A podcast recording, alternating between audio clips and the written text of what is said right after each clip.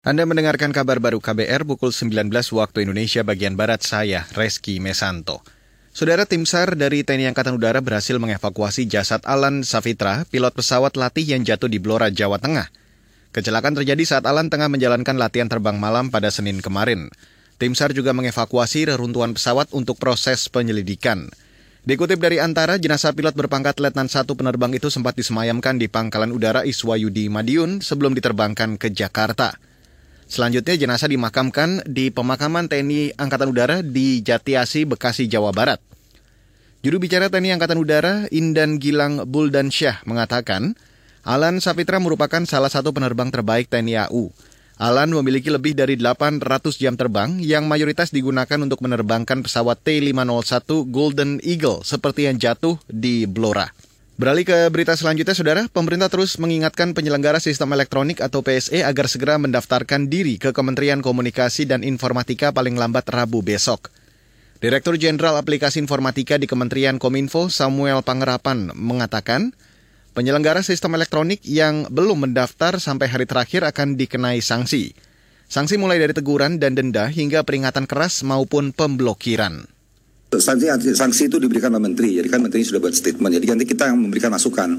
Ada niatan nggak? Mereka kalau sudah bilang, oh ini kalau mereka uh, kan kita akan melakukan ini traffic yang paling besar dulu.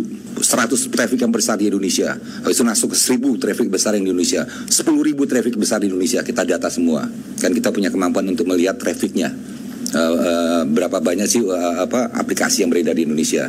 Nah terkait sanksi itu memang itu adalah hak prerogatifnya dari menteri dan di situ ada tahapannya. Direktur Jenderal Aplikasi Informatika di Kementerian Kominfo, Samuel Abrijani Pangerapan, mengatakan, sanksi akan mulai dijatuhkan Kamis lusa. Samuel mengatakan jika PSE sudah mendaftar, maka Kominfo bakal membuka blokir. Sejumlah aplikasi global yang sudah mendaftar hingga sore ini di antaranya TikTok, Shopee, Mobile Legend, hingga Facebook dan Instagram. Namun WhatsApp masih belum terlihat terdaftar di Kominfo. Saudara kebakaran hutan dan lahan di Provinsi Aceh terus meluas hingga hari ini diperkirakan lahan yang terbakar mencapai 32 hektar tersebar di tiga kabupaten yaitu Aceh Tenggara, Aceh Besar, dan Aceh Barat Daya. Kebakaran paling luas di wilayah Aceh Tengah yang mencapai 20 hektar. Kepala Bidang Kedaruratan dan Logistik Badan Penanggulangan Bencana Daerah atau BPBD Aceh Tengah Iwan Ilham Abadi mengatakan, Pemerintah daerah kewalahan menanggulangi karhutla karena banyak kendala. Di antaranya terbatasnya sarana dan prasarana seperti mesin genset dan pompa air. Sampai sekarang belum padam itu.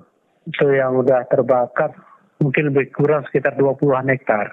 Itu tambah besar, karena nggak mungkin terjangkau lagi udah ke atas, di atas udah tebing, angin juga kencang, nggak bisa, nggak mungkin kita tembus. Agen berbahaya betul. Kepala Bidang Kedaruratan dan Logistik BPBD Aceh Tengah, Iwan Ilham Abadi memperkirakan kebakaran hutan dan lahan akan terus berlanjut dan sulit dihentikan. Beberapa titik api bahkan sudah merembet ke jalan raya dan pemukiman masyarakat. Dan saudara, demikian kabar baru saya Reski Mesanto.